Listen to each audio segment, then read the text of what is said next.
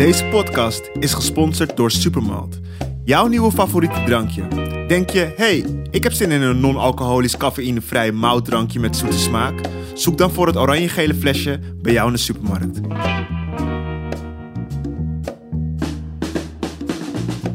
Welkom bij de Late Night Talks podcast War Against Racism deel 2. Deze serie was eigenlijk een beetje begonnen door na de storm aan solidariteit naar aanleiding van de moord op uh, George Floyd in Amerika.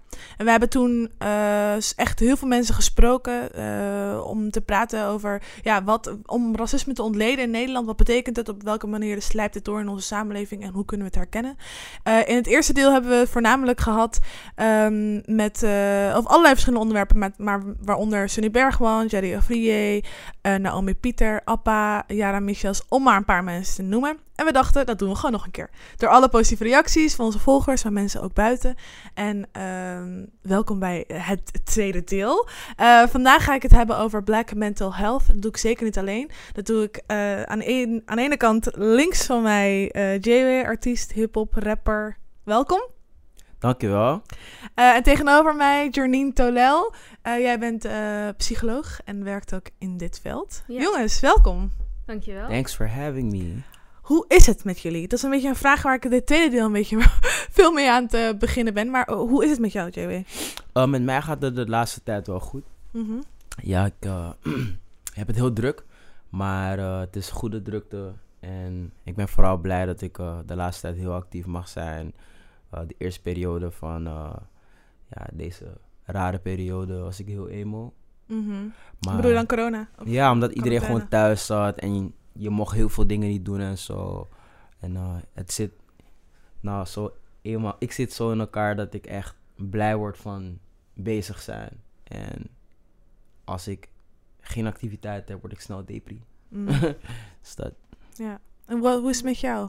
Journey? Ja, met mij uh, gaat het goed nu ook. Ik had het ook wel pittig met uh, de hele lockdown en quarantaine gebeuren. Omdat alles, ja, iedereen is gewoon meer thuis. Mm -hmm. uh, ik moest ook vanuit huis werken. Mm -hmm. uh, dus dat deed ik dan met, met videobellen. En dat kostte ook best wel veel energie voor mij, maar ook voor mijn cliënten. Mm -hmm. uh, maar ik ben ook heel blij dat nu gewoon weer mogelijk is. Dat we ook weer lekker kunnen sporten. Dus dat doe ik nu ook volop. En ja, naast het weer werken op de locatie. Ja, ja. wat fijn. Wat goed. Ja. goed om dat te horen. Uh, JW, uh, jij hebt een album gemaakt, uh, No I'm Not Okay. Mm -hmm. Waar je praat over black mental health, maar voornamelijk ook je eigen mental health. Over hoe jij je voelt, hoe het met jou gaat. Ja. Toen wij daarover hoorden en toen, toen ik het ook ging luisteren, verraste me het heel erg, omdat het niet echt een geluid is wat je op die manier voornamelijk in Nederland hoort. Er zijn heel veel artiesten in Amerika die een soort van dus een beetje gechargeerd en ongenuanceerd, hè? Maar uh, emo, rap maken bij wijze van. Um, die praten over gevoelens. Um, wat is dat in nummer ook alweer? All my friends are dead. Hoe ging het nummer ook weer? Oh, van... Um, ja. ja. Exo ja. van uh, Lil Uzi. Ja, Lil Uzi, ja. Gewoon dat soort nummers. Um, en uh, maar je had ook weer uh, vanuit de Nederlandse. Uh, in Nederland ben jij wel een van de. Ja, Soor, volgens mij Soor en Steen zijn ook een paar mensen die echt wel weer. Ja, intiemere muziek maakten. Wat, wat, waarvoor, waardoor dacht je, ik moet hierover praten? Ik moet hier ook in mijn nummers over praten. Vorig jaar um, zat ik in een periode waar. Precies eigenlijk hier in deze studio waren we dus bezig met nummers schrijven. Of twee jaar geleden, sorry. We waren precies in deze ruimte waren we nummers aan het schrijven met mijn producer uh, Demi. En mensen kennen me vooral van vrolijke nummers en zo. Maar op een gegeven moment had ik een beetje moeite met echt vrolijke nummers schrijven. Omdat ik op, ja, in die periode best wel een... Ja, niet zo'n een leuke... Ja, ik was niet in een leuke mentale state. En wat mij hielp was om nummers te schrijven... Uh, die als therapie werkte voor mij. Dus echt schrijven wat er gaande was met mij op dat moment. En in hindsight, dus terugkijkend, was dat eigenlijk toch wel uh, de stap naar genezing.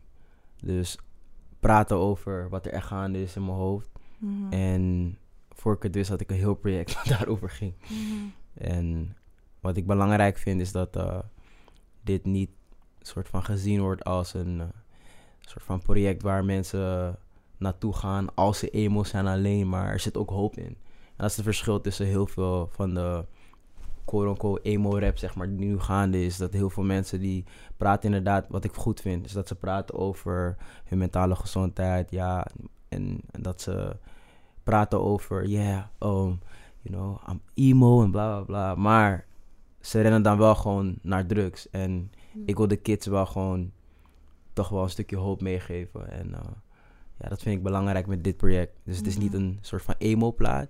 Het is wel een journey die ik laat horen. Dus het is een story. En uh, er zit gewoon toch uiteindelijk uh, positiviteit in. Ja, want ik weet, uh, Jornine, ik weet of jij het ook had geluisterd en gehoord. Um, maar het verraste mij om te zien dat ook een man, weet je wel. De, we leven in een wereld waar toxic masculinity is. Zeker ook Ja. in de zwarte gemeenschap waar uh, een taboe ligt op praten over je gevoelens. Um, wat dacht jij toen jij dat, uh, dat nummer of dit, het album van hem hoorde?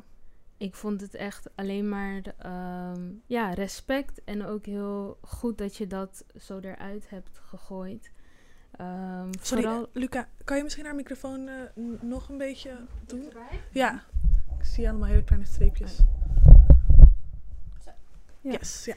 Ja, vooral ook omdat we inderdaad uh, ja, zijn in een, uh, in, een, in een maatschappij waar vaak wordt verwacht ook wel, vooral ook van zwarte mannen eigenlijk ook van, ah, je bent strong en je bent sterk en, uh, en ook vaak in de zwarte community gewoon van, nou ja, uh, wat is er aan de hand? Nee, komt goed, komt goed. Mhm. Mm -hmm. Weet je, ga gewoon bidden, bid tot God en het komt wel goed. ja. je moet ook, ja, Weet nee, je, 100%. maar, maar als jij gewoon bijvoorbeeld je bed niet meer uitkomt omdat je zo somber bent, uh, of gewoon nachten niet kan slapen, dan, dan is bidden tot God is niet het, het enige wat je, wat je gaat helpen. Dan is er ook toch wel meer nodig. Hm. Ja. Hè? En ik zeg niet dat, uh, dat, dat bidden tot God dat het geen zin heeft, want het is natuurlijk ook iets heel goeds. Ik bedoel, uh, het geeft ook houvast en ook steun. Ja. Hm. Maar soms is er toch ook wel een, een andere stap nodig. En dat begint inderdaad bij überhaupt durven te praten over waar je mee zit, waar, je, waar je aan denkt. 100%. Ja. Ja, wa- want hoe zie jij dat? Jij, jij werkt ook in het veld. Jij werkt Mhm. ook eh, in de s- stadsdeel Zuidoost. Ja. Ehm, om eh, mensen daar ook te ondersteunen. Dat was ook een bewuste keuze van jou, toch? Ja, ja, zeker. Ik, eh, ik merkte ook, ehm, ik deed hiervoor een ander soort werk waarbij ik eh, eh, eigenlijk de mensen werden aangemeld bij een grote organisatie. En dan ging ik met hun in gesprek en dan nou ja, aan de hand van de klachten kijken op welke afdeling ze dan het beste geholpen konden worden. Dus is, zijn de klachten meer passend bij angst of zijn de klachten meer passend bij somberheid bijvoorbeeld. En eh, ik merkte soms ook onder eh, collega's dat er eh, ook wel een beetje onbegrip bijvoorbeeld kon zijn. Van hé, hey, het valt dat- er dan bijvoorbeeld dingen werden gezegd van hé, hey, het valt me op dat mensen van een niet-westerse achtergrond meer lichamelijke symptomen bijvoorbeeld eerst benoemen van ik heb last van buikpijn of ik heb heel veel last van hoofdpijn. En dat ze dat gewoon niet konden begrijpen en dat ik dan ook ging uitleggen van weet je wat het is? Eh, in Nederland is het best wel eh, normaal om te, iets normaler in ieder geval om te praten over emoties en wat er speelt. Eh, en in andere culturen is het vaak van een beetje wegstoppen Mm. of niet zoveel over praten. Mhm. En dat kan er dan ook voor zorgen dat het allemaal eigenlijk opkropt en dat je dan ook last krijgt van een knoop in je maag en buikpijn. Maar waar komt die buikpijn soms vandaan? Ja. Soms kan het ook gewoon zijn door eh, iets psychisch. Ja. En ehm, ik keek ook, ook om me heen en ik dacht, ja, er is een, eh, toch ook niet veel kennis, nog niet genoeg onder de eh, witte psychologen soms ook wel, over hoe om te gaan met bepaalde problematiek. En ehm, voor mij was het belangrijk om daar nog meer over te leren ook, maar ook om die stap naar de ehm, naar psychische hulp voor mensen met een niet-westerse achtergrond. Om die stap ook eh, te, verkleinen. ja. Ja. Omdat Ja. daardoor, weet je, als, als je dan gaat naar, naar, naar de instelling, het is al een hele stap om dat te doen, omdat je niet gewend bent erover te praten. En als Mm. iemand dan aan de telefoon jou ook niet begrijpt, ja, dan, dan verlies je ook vertrouwen in die, eh, in die hele hulpverlening. Ja. Ja. Hè? Dus Hoe is het Ja. bij jou? Heb, heb jij proberen hulp te zoeken? ehm? Ja, ehm, ik eh, sluit me daar echt eh, bij aan. Ik, toen ik in 2018, toen, het, eh, toen ik begon te schrijven als therapie voor mezelf, dat is een soort van één stap. Gewoon eerlijk met jezelf zijn, dat het niet oké met jezelf gaat en zo. Maar je praat met niemand erover. Je komt thuis, en je gaat naar buiten en je doet je vrolijk voor naar de buitenwereld en zo. En dat Mhm. kwelt ook gewoon. mhm. Dus ehm, het was niet genoeg om zelf, zeg maar, ehm, ja, te weten dat het niet oké ging. Maar ik moest er gewoon nog echt over praten. Dus ik begon eh, erover te praten met eh, mijn pastor. Ik eh, kreeg opeens via iemand kreeg ik een contactpersoon, een, een therapeut, of sorry, een psy- psycholoog. En daar ja, ben ik al langs gegaan. En het was best wel eng, want het idee van zeg maar zo iemand opzoeken waarmee ik, ja, of heel veel mensen hebben die gedachte van als je zeg maar eh, jezelf gaat laten checken en zo, dan eh, ben je gek of zo. Mhm. Mhm. Hangt een soort van, je toch, Stigma. stigma Ja, inderdaad ja. eraan, weet je. En eh, ja, ik vond het best wel eng, maar ik heb het gedaan en dat was, voor mij was het echt, eh, het is een van de beste beslissingen die ik ooit heb genomen. En was het ook een persoon van kleur? Oh nee, het was niet de persoon van kleur. Het was niet de persoon van kleur. Ehm, en, maar toch was het voor mij heel bevrijdend. Mhm. En, eh, maar dat was één stap. Eh, volgende stap was gewoon met meerdere mensen over praten die ik echt vertrouw. En mensen die me ook begrepen op ja, basis van kleur natuurlijk, meer. Ehm, en ja, het waren gewoon echt eh, een mix van, van verschillende situaties die mij gewoon hebben geholpen, zeg maar, in die periode van heel, heel down zijn. En ik ga niet zeggen dat ik nu nooit meer depressief ben of zo, maar ik weet wel hoe ik ermee moet omgaan nu. Mhm. Mhm. Ja, dat, dat taboe inderdaad, dat is echt dat is super groot. Dat is ook in mijn omgeving en de mensen waar, waar eh, ik me ook in begeef en de vrienden. En het is best wel een groot, het is best wel een groot taboe wat rust op naar een psycholoog gaan. Zeker als je iemand bent van kleur, want wat je ook zegt, dan ben je gek. Dan Mhm. is er wat mis, dan ben je ziek in je hoofd of Ja. zo, weet je wel. Ehm, maar daarnaast is het ook het hele idee dat vaak als je, om even terug te gaan naar racisme, als zwart persoon, levend in de wereld waarin wij leven, proberen succes te behalen op de vlakken waar wij succes willen halen, is al defiance. Snap wat ik bedoel? Het is al ehm, raging against the ma- machine en het racisme wat je ervaart.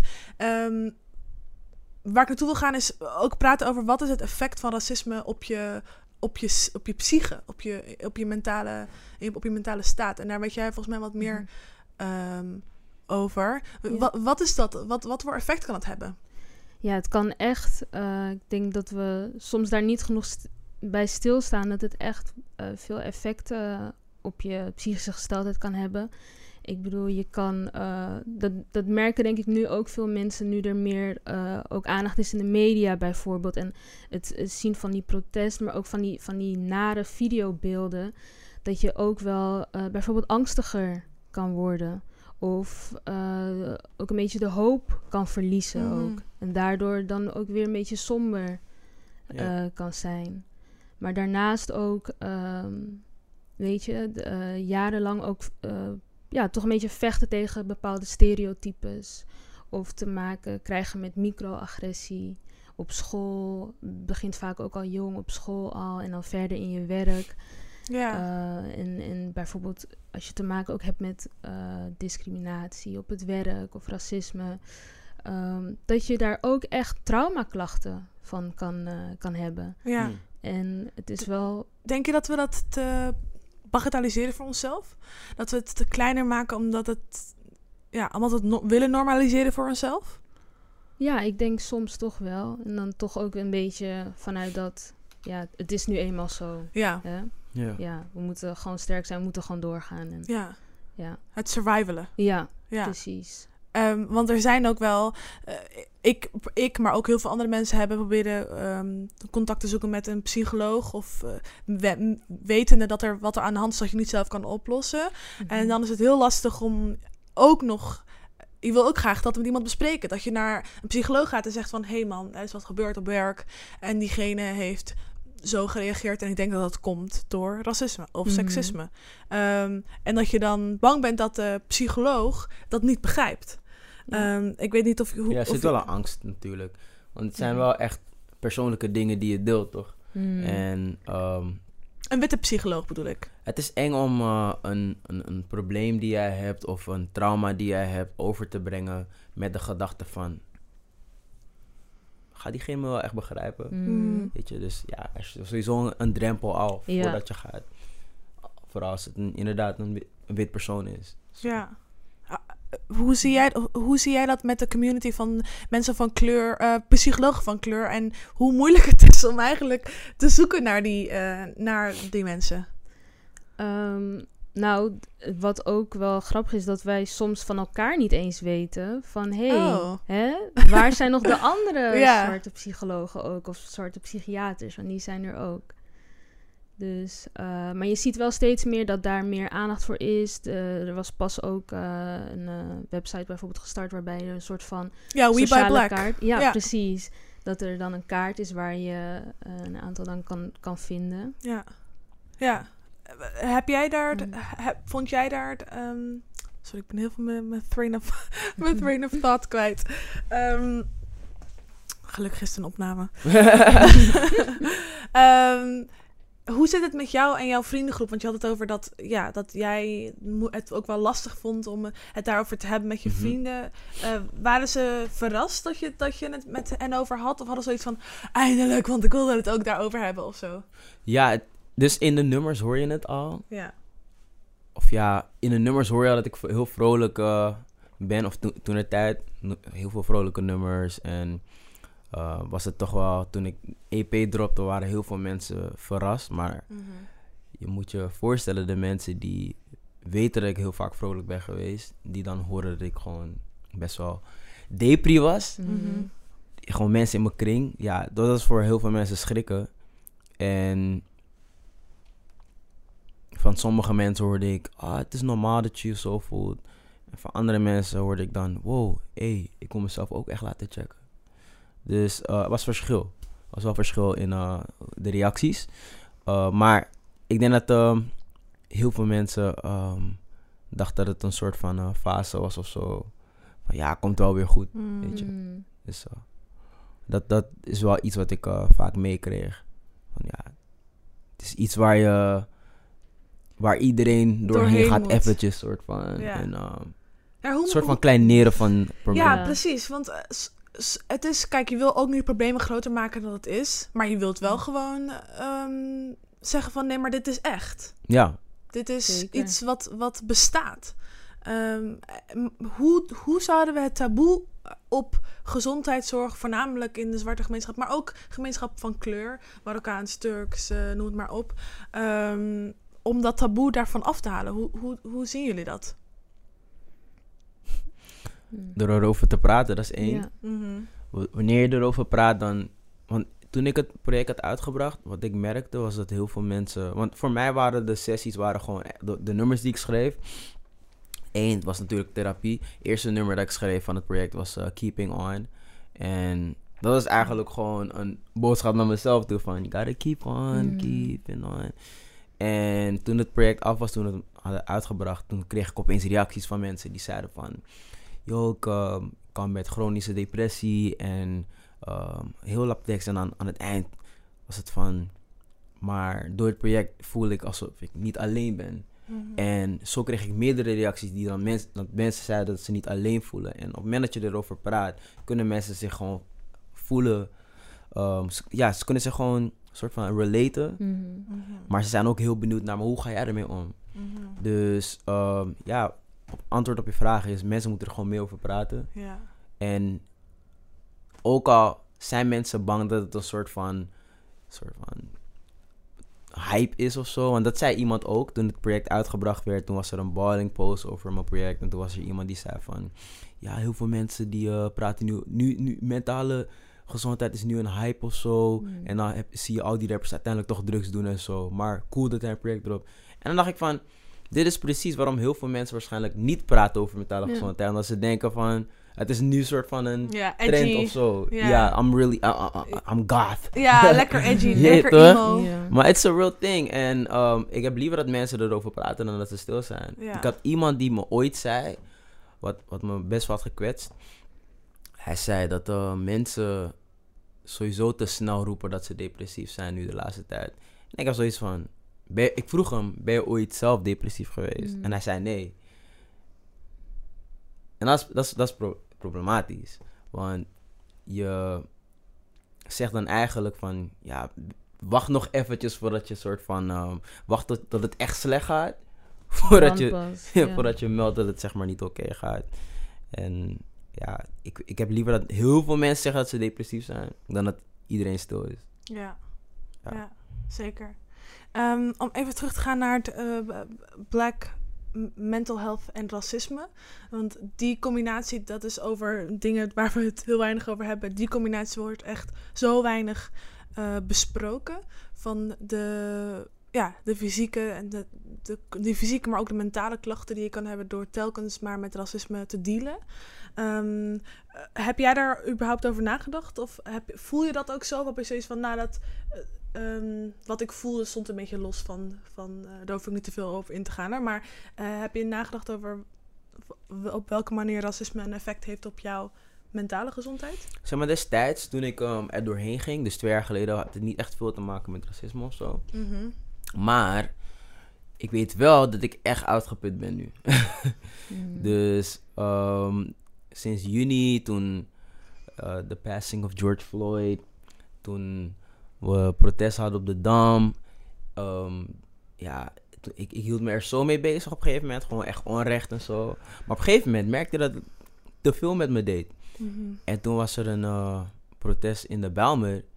En ik herinner me nog dat ik in bed lag en gewoon naar het plafond aan het staren was. Gewoon, en dacht van, nee, ik kan echt niet uit bed. Het is gewoon too much. Maar tegelijkertijd dacht ik ook gewoon van, I gotta be there for my people. I gotta fight for equality.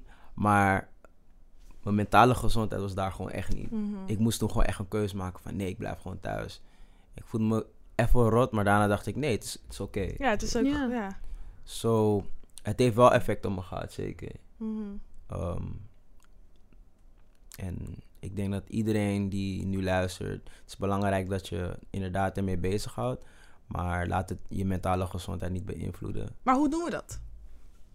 Ja, toch door inderdaad ehm, echt te gaan luisteren naar jezelf. Zoals jij dat heel goed hebt gedaan. Van hé, hey, wacht even. Het, doet nu echt heel veel met mij. En ehm, ik denk ook om een juiste balans eigenlijk ook daarin te zoeken. Want niet omdat je eh 24-7 ermee bezig bent, dan eh, strijd je echt mee, bijvoorbeeld. Hè? Dat is helemaal niet nodig. Dus ik denk vooral een, eh, een juiste balans daarin vinden. Mhm. Mhm. En Ja. ehm, eh, hoe, zie, hoe voel jij dat zelf? Want eh, ik bedoel, je bent psycholoog, Mhm. maar je bent ook psycholoog van kleur. En jij hebt ook te maken met, met racisme. Ja. Ehm, ik kan me ook wel voorstellen dat. Doe je dan ook aan self-diagnosing? Of weet je wel, hoe, hoe, Mm. hoe, hoe zie je dat dan van... Oh ja, ik voel me vandaag rot. Of weet je wel, of ga je ook naar een psycholoog? Gaat de Ja. psycholoog naar een psycholoog? Ja. Nou, je hebt ook psychologen die naar een psycholoog gaan. Want ik bedoel, in eerste instantie zijn we ook nog, nog steeds gewoon mensen. Dus wij kunnen ook last krijgen Ja. van, van angsten. Ja. Y'all go through it as well? Dat- Ja. dat, eh, dat kan ook. We Ja. kunnen ook last krijgen van angst of van een ingrijpende gebeurtenis. En Ja, weet je, dat je toch even hulp daarbij nodig hebt. ja. Ehm, en ik denk ook dat uh, je alleen maar een betere psycholoog ook bent als je dat door kan hebben. Ja. Dus ook, hè? Dat je Mhm. zelf daarop ook kan reflecteren. En wat zijn de handvaten die jij jouw eigen cliënten biedt, of die jij zelf misschien ook zelf krijgt, Mhm. eh, om die racisme-stress, dus het stress van telkens maar met racisme moeten dealen en daar wat van moeten vinden, of die microagressies waar je het over had, wat zijn de handvaten die jij eh, biedt aan mensen? Nou, vooral ehm, praat erover. Ook met, met andere mensen. Ehm, maar neem ook af en toe ook gewoon een break. Ook van het nieuws, van social media. Ga niet de hele dag door naar het nieuws kijken, want dat is goed voor niemand. Mhm. Ja. Dat is echt. eh, ik bedoel, dan word je alleen maar ziek ervan. Dus dan probeer dan ook dingen, andere dingen voor jezelf te doen. Ga naar buiten, ga sporten, ga, ga iets leuks doen. Want je mag iets leuks doen. Niet omdat er eh, veel, veel onrecht bijvoorbeeld is, betekent het dat je nu opeens moet stoppen met je leven en eh, geen leuke dingen meer mag doen. Dus wees ook minder streng voor jezelf daarin. En buiten de periode van, want nu hebben we een, een super hyper awareness van wat er allemaal in de wereld gaan is, maar mensen onder, ondervonden daarvoor ook eh, racisme. Mhm. Wat zijn tips die je aan mensen kan geven die bijvoorbeeld bepaald gedrag of bepaalde gevoelens hebben genormaliseerd bij zichzelf om te kunnen overleven in de wereld? Ehm, ja, misschien heb je die antwoord nu niet 1, 2, 3 hoor, maar ehm, ja, wat, wat, zou je die, wat voor tips zou je aan die mensen geven? Mm, ik zit even te denken aan eh, misschien een voorbeeld van mensen die ik heb gehad die eh, ook te maken hebben gehad op het werk met dat ze buitengesloten bijvoorbeeld werden. Eh, of dat er bepaalde opmerkingen werden gemaakt, bijvoorbeeld van, oh, jij bent wel heel stil voor een Surinamer of zo. Mm, Weet je, zulke soort eh, opmerkingen. ja. En ehm, uiteindelijk hebben die mensen een beetje gedaan van... ik zeg er maar niks meer over. Gewoon lachen en eh, het zal wel. Maar dat vreet zoveel aan je. Dus in die gesprekken ehm, gaan we heel erg aan de slag ook met... wat doet dat met je?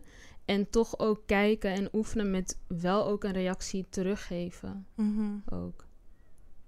Ja, en ook Ja. Ja, je grenzen aangeven ook. Dat is, ik heb hier had hiervoor een gesprek met eh Seada uh, Noorhoese en Natasha Gibbs. Zij hadden het heel erg over het, ehm, je grenzen aangeven. Dat, dat je niet ervoor zorgt dat mensen over je heen lopen. Dat je telkens maar, als je je mond houdt, mond houdt, mond houdt, mond houdt. Dat eh, je op een gegeven moment... ehm, ja, dat je zo erg over je grenzen heen bent dat je ook stukjes van jezelf verliest daarin. Ja.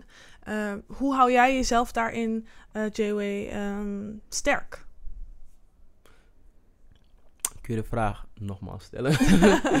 nou, en, dus hoe ik me reageer op? Precies. Ja, hoe je je eigen grenzen aangeeft en je eigen, ja, je, jezelf even bewaakt en ervoor zorgt dat mensen niet over, je, over jouw grenzen heen gaan als het aankomt op bijvoorbeeld microagressies, racisme, dat soort dingen. Mhm. Ehm, dat dat niet iets is wat ons geleerd is. Het is ons juist geleerd om zo weinig mogelijk ruimte in te nemen, zo klein mogelijk te zijn, Mhm. niet te hard te praten, niet te veel aandacht te, te Nee, trekken. zeker. Speak up. Zeker, Ja. speak up. Maar hoe, maar dat is, kijk, het is makkelijk om te zeggen speak up. Everyone is saying speak up. Ik Mhm. zeg ook speak up. Maar in een situatie waar je, eh, waar ongemak is, waar Mhm. je je eigenlijk op een bepaalde manier bedreigd voelt, is het ehm, ja, moeilijk om te speak up. Dus hoe, wat, wat zijn dingen die jij zelf doet om je eigen grenzen te, te bewaken? Ehm, ik probeer altijd toch wel me te verplaatsen in de persoon. Mhm. Ehm, heel vaak zijn mensen gewoon onwetend. En er zijn ge- genoeg momenten geweest waar ik een opmerking hoorde dat niet lekker viel. En dat ik dan dacht oké, wait. Hij is zo'n persoon. Waarschijnlijk weet hij dit niet. Oké, laten we proberen, zeg maar, gewoon vragen te stellen. Mhm. En dat helpt heel vaak. Vragen stellen en zo gesprek aan te gaan. En wanneer je vragen stelt, soms denken mensen er gewoon veel langer aan. Weet je, Mhm. weet je over eh, de opmerkingen die ze maken heel vaak. En eh, het blijft ze misschien vaker bij dan wanneer je zeg maar gewoon vuur met vuur bestrijdt. Snap je? Mhm. Dus ja, op die manier, eh, dat zijn een van de methodes Ja. hoe ik mezelf ja, wel ik denk ook inderdaad vragen van wa- wat bedoel je met de opmerking of ehm, ja, gewoon inderdaad eh, dat je meer gesprekken aanknoopt. Want soms kan het inderdaad gewoon zijn vanuit onwetendheid. Ja, Mhm. want wanneer ze thuis zijn, denken ze soms, ja, en dan komen ze erop terug. Het is Ja, een appgesprek van, hey trouwens, eh, ik heb nagedacht en eh, eigenlijk was het best wel raar dat ik dat zei of zo. You know. I, Ja. like, I like that. Ja, toch? Dat je het gewoon een soort van mee naar huis neemt en gewoon een soort van laat bezinken. ja. En het is denk ik ook oefenen. En ehm, ik denk sowieso als je bijvoorbeeld gewoon niet... Ik bedoel, het is natuurlijk spannend al helemaal als het echt een eh, leidinggevende is om je uit te spreken of, of dan een vraag te stellen. Ja. En ehm, je kan het bijvoorbeeld oefenen. Eh, ik oefen zulke gesprekken bijvoorbeeld ook met mijn cliënten. Eh, daarmee oefenen en dan oefenen met verschillende reacties die mogelijk teruggegeven kunnen worden, bijvoorbeeld. Mhm. Ehm, maar goed, de eerste stap is toch het proberen, het, het doen. Ehm, en ja, uit, uiteindelijk dan kijken van wat, wat, wat komt daaruit. Mhm.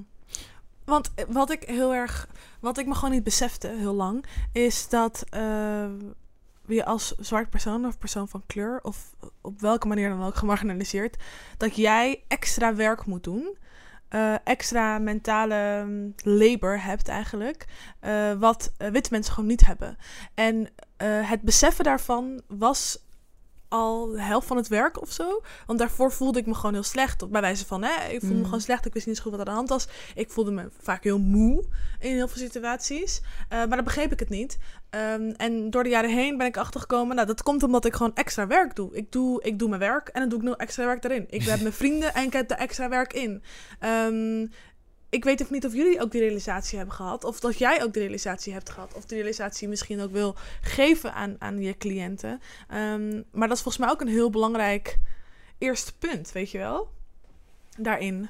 Hoe zie jij dat? Zeker. Ja. Er zijn ook, um, ook wat onderzoeken waar, waarin je ook kan zien dat um, mensen van kleur eigenlijk al iets meer een grotere kans hebben op het ontwikkelen van traumaklachten of uh, depressieve klachten. Ook omdat er inderdaad, um, ja, je hebt gewoon het extra te maken met, met stereotypering, racisme, discriminatie. Dus dat is al iets waar mensen die uh, uh, wit zijn eigenlijk niet mee te maken hebben. Mm -hmm. En als je ook al weet van dat langdurig racisme en alles wat je ziet, wat voor invloed dat op je stemming kan hebben, mm -hmm. Is dat inderdaad wel iets om, uh, om bewust van te zijn. Ja. Nu zoeken mensen van kleur voornamelijk naar uh, andere mensen van kleur die in de psychologie of in de, in de uh, therapie werken. Mhm. Mm -hmm. um, en dat, dat blijkt dus soms ook wel een mo moeilijke taak om daar, daar te zoeken. Um, is er ook iets wat we obviously zit racisme ook in de gezondheidszorg.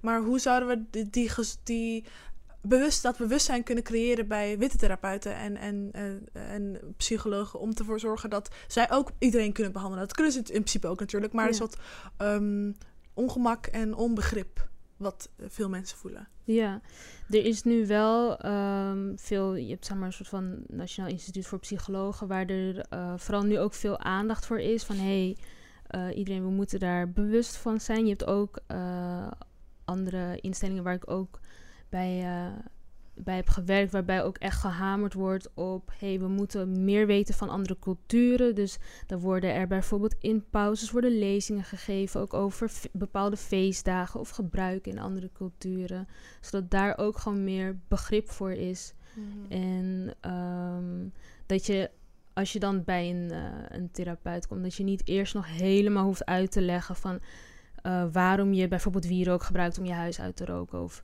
of iets, weet je. Omdat, omdat de therapeut dat misschien een beetje gek vindt. Mm -hmm. uh, terwijl dat heel normaal is. Mm -hmm. um, ja, ik ben even mijn uh, gedachten. ja, nee, 100%. Ja. ja, ik heb het ook al eens. Ja, ja. nee, 100%. Dat, ik denk dat dat ook heel, heel erg goed is.